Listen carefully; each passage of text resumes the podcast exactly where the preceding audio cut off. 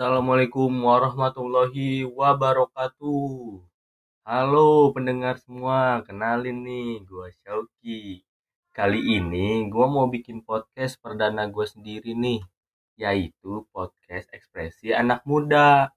Podcast gue kali ini tentang pengalaman dan kegiatan positif yang bisa dilakukan anak muda dan bisa diambil contoh ketika pandemi COVID-19. Nah, usaha-usaha dan proses untuk menjadi anak muda yang bermanfaat pastinya dan berguna di tengah kesulitan ketika lagi pandemi COVID gini nih. Sebelumnya, gue juga punya tanggapan nih atau suasana hati gue nih mengenai COVID ini nih gimana ya? Gue ngomongnya tuh kayak fit siapa pun lu ya kan, siapa pun pencipta lu, tolong deh udahin aja napa kasihan orang-orang mau sekolah mau kuliah kagak bisa. Orang juga mau dagang kagak bisa gara-gara lu. Tolonglah pergi siapa kayak lu? Gue nggak kenal sama lu. Kalau kehadiran lu cuma jadi penghalang dan jadi beban orang banyak. Ya gitu aja sih sebenarnya. Tapi kalau covid denger ya nggak apa-apa. Gue sebagai mahasiswa vokasi PB juga dan mungkin kalian semua yang masih menuntut pendidikan nih pastinya ngerasain banget terhalangnya ilmu-ilmu dari kampus atau dari sekolah yang seharusnya gue dapat atau kalian dapat maksimal nih seperti biasanya jadi serba tanggung gini gara-gara pandemi. Pasti kalian juga udah geram banget ya kan?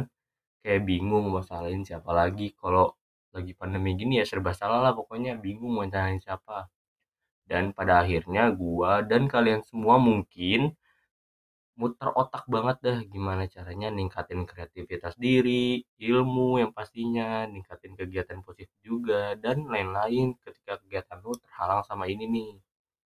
Nah, sekarang semua juga sebuah online nih, teman tangguh.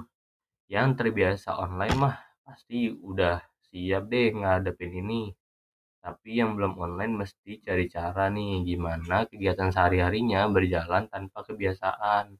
Jadi maksudnya tuh kalian harus cari kebiasaan baru gitulah di rumah gitu kan. Kalian juga udah nggak asing lagi lah soal Zoom, Skype, Cisco, Google Meet, dan WA Group. Yang gue rasain sih jenuh banget gila anjir. Kayak tapi setelah hampir 10 bulan nih kita kayak gini gue jadi mikir apa seterusnya kita bakal kayak gini juga nggak ya?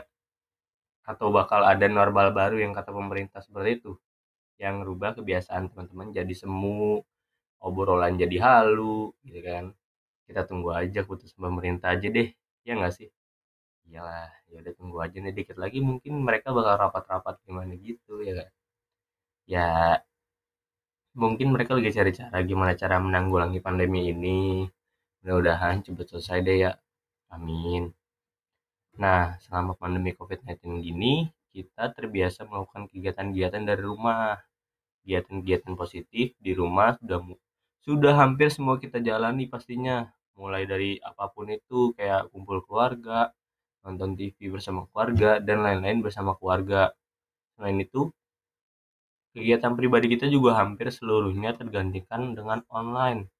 Nah, contohnya nih kayak sekolah atau kuliah bekerja jadi WFH work from home olahraga dan sebagainya itu di rumah. Dari itu semua pasti timbul pertanyaan nih di diri kita mau sampai kapan kita seperti ini dan apakah sanggup kita melakukan semuanya ini tanpa berinteraksi secara langsung? Nah selain itu untuk orang yang terbiasa melakukan semua kegiatannya di luar rumah ini adalah hal yang paling sulit banget. Gila sulit banget pokoknya rasanya bosan banget ketika lagi jalanin ini nih. Karena hal itu semakin lama covid semakin banyak gitu loh. Orang yang tidak percaya dengan covid juga banyak. Jadi ya bingung juga orang-orang kayak bertanya-tanya ini gimana sih maksudnya covid nih? gitu kan. Buktinya semakin lama covid-19 berlangsung nih sampai sekarang sekitar udah 9 atau 10 bulan gua nggak tahu. Gak sedikit orang yang keluar rumah dengan bebas selayaknya hari-hari biasa Nah, kalian juga pasti udah pada tahu lah gimana orang-orang udah pada keluar rumah ya kan biasa aja. Ditambah dengan kepentingan ekonomi seseorang yang menurun ketika sedang pandemi saat ini. Ya pastilah gila orang gimana ya? ekonomi berkurang sangat drastis gitu loh.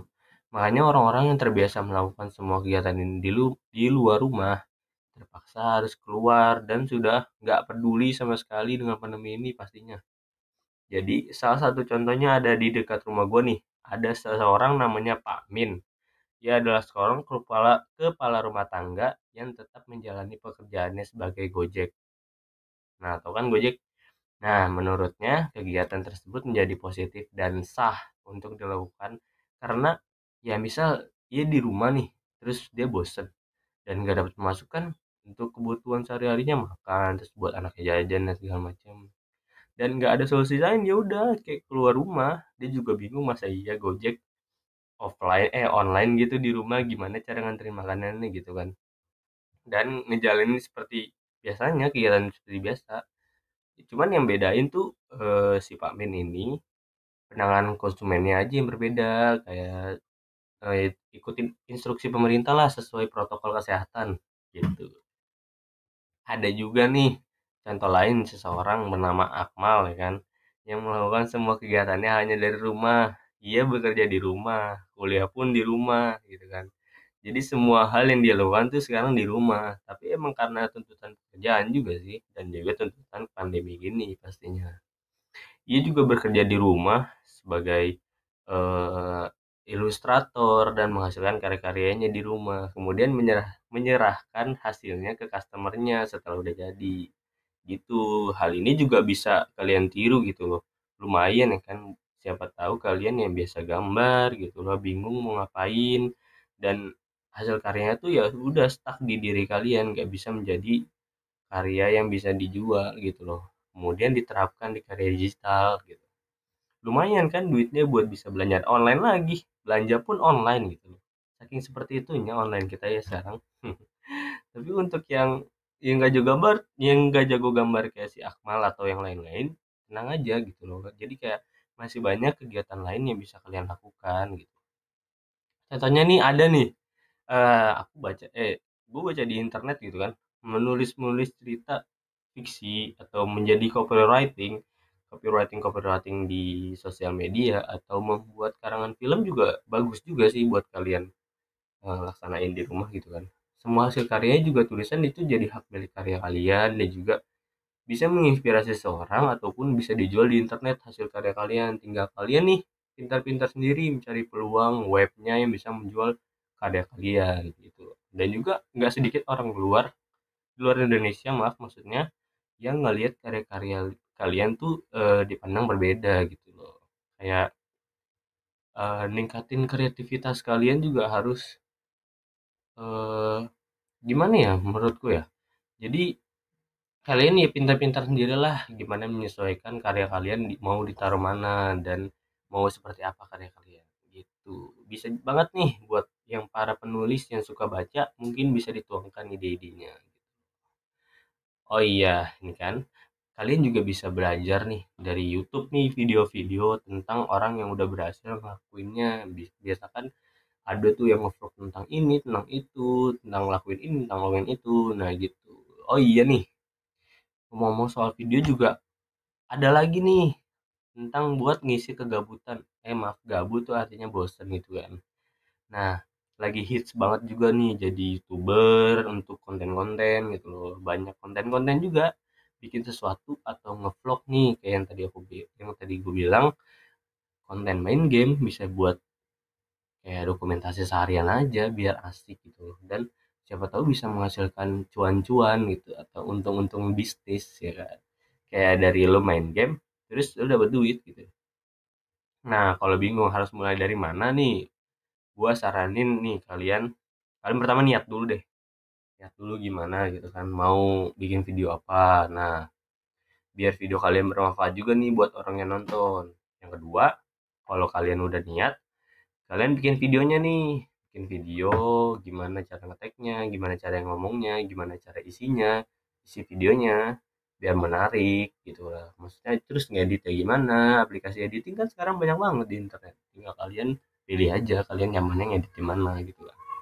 Dan ketiga setelah jadi videonya kalian upload deh di YouTube di sosial media biar orang-orang tuh lihat gitu kan karya kalian gitu. Entah kalian bisa upload di YouTube atau di Instagram atau di mana pun yang pengen kalian pengen upload gitu dan juga ajak mereka buat nonton gitu. keempat ya beri tanggapan mereka nih atas kekurangan atau kelebihan video kamu gitu kan video lu. Jadi eh, lu punya evaluasi diri gitu tentang video yang lu buat gitu loh. Menghibur atau enggak menurut mereka gitu kan. Atau mungkin membuat sesuatu yang berbeda gitu kan.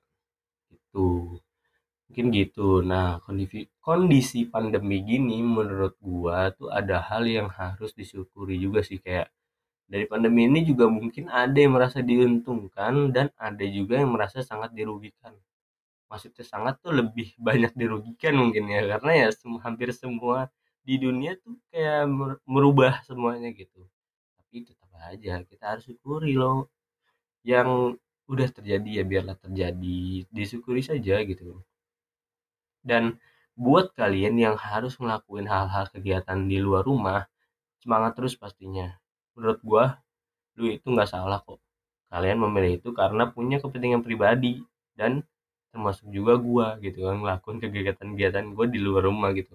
Ya karena eh, corona gini ya bingung gua biasa keluar terus nggak bisa keluar ya bete banget pasti bosan banget dan dan untuk yang di rumah nih ya lanjutin terus kamu berhak peduli kesehatan kamu juga kok. Gitu gitu kan. Nah lagi pandemi gini juga lagi tren nih anak-anak muda yang bisnis jual beli online gitu kan. Tahu online shop atau apa entah apa pun itu itu jual beli fashion fashion kayak baju apa pun itu celana uh, aksesoris aksesoris make up dan segala macam ya yang kedua aksesoris HP biasanya dia jual-jual kayak casing HP atau charger HP headset HP gitu kan. Nah gitu. Telepon pintar lah sebutannya.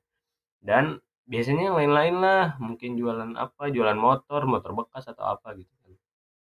Nah bisnis online ini juga pas banget nih buat kalian yang orangnya memanfaatkan peluang banget. Kayak orangnya bisnismen banget lah banyak banget macam-macam bisnisnya bisa dropshipper. Nah kalau yang belum tahu dropshipper silahkan cek Google sendiri ya kan?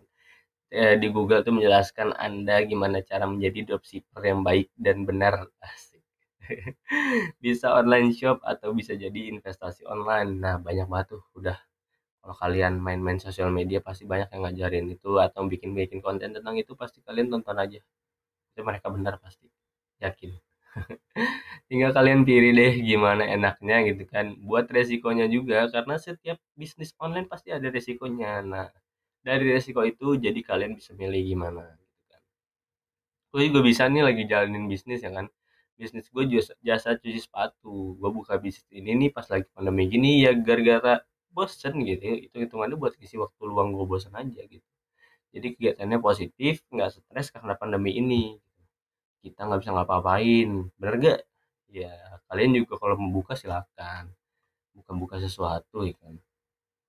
Nah itu sih beberapa kegiatan yang bisa kalian lakuin. Siapa tahu dari kegiatan itu semua ternyata itu ada itu ada di passion passion lu sendiri gitu. Tanpa lu sadar oh di sini passion gue gitu. Dicoba aja dulu setidaknya udah usaha.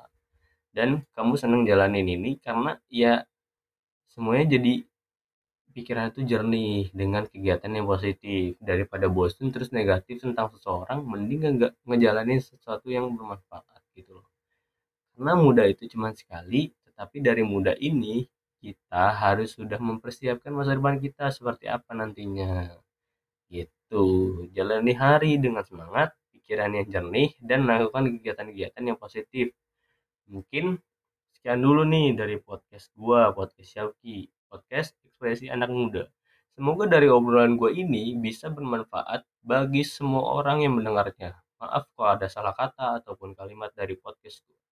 Gue pamit. Wassalamualaikum warahmatullahi wabarakatuh.